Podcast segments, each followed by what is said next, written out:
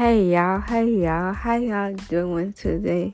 How y'all doing today? How y'all been today?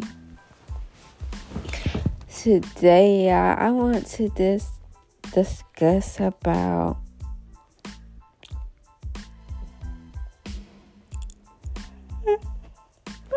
I don't want to discuss about do we really truly do love one another? Because this world is getting toxic by the day. People got so much on their mind, so much on their plates. And I want to know how are y'all feeling about this everything that is going on? Because I know that I got a bit hard, but lately, I mean, I've been having people calling me, checking up on me, but how many people are really doing that now?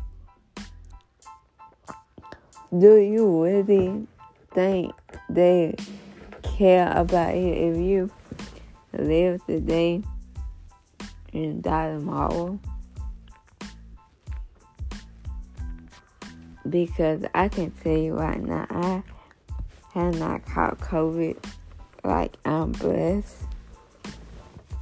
I'm very blessed to not caught COVID.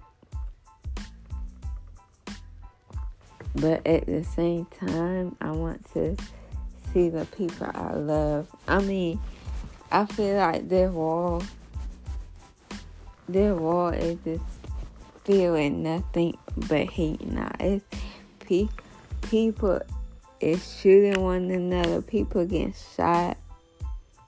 People it getting killed every time you look at the news, every time you think about the news. Like, I want know that we really matter anymore because it's like it's just the end of the. I feel like it's just the end of the world by now. Like I said, this is my personal diary, so don't take it personal. But I really think this is the end of the world. We got we gotta cherish the people that we love. Y'all, like I love my family. I love my friends. I love everybody really. It is not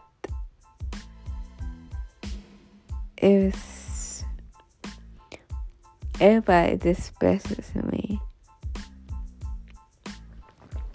And I feel like if we put God back where He belongs in our families,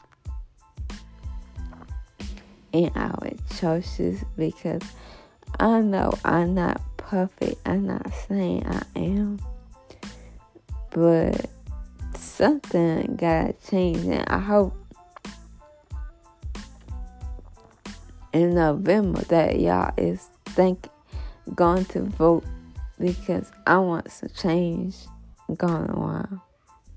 I I want to live my life, y'all. I really do want to live my life. But okay, y'all. This is the end of this episode.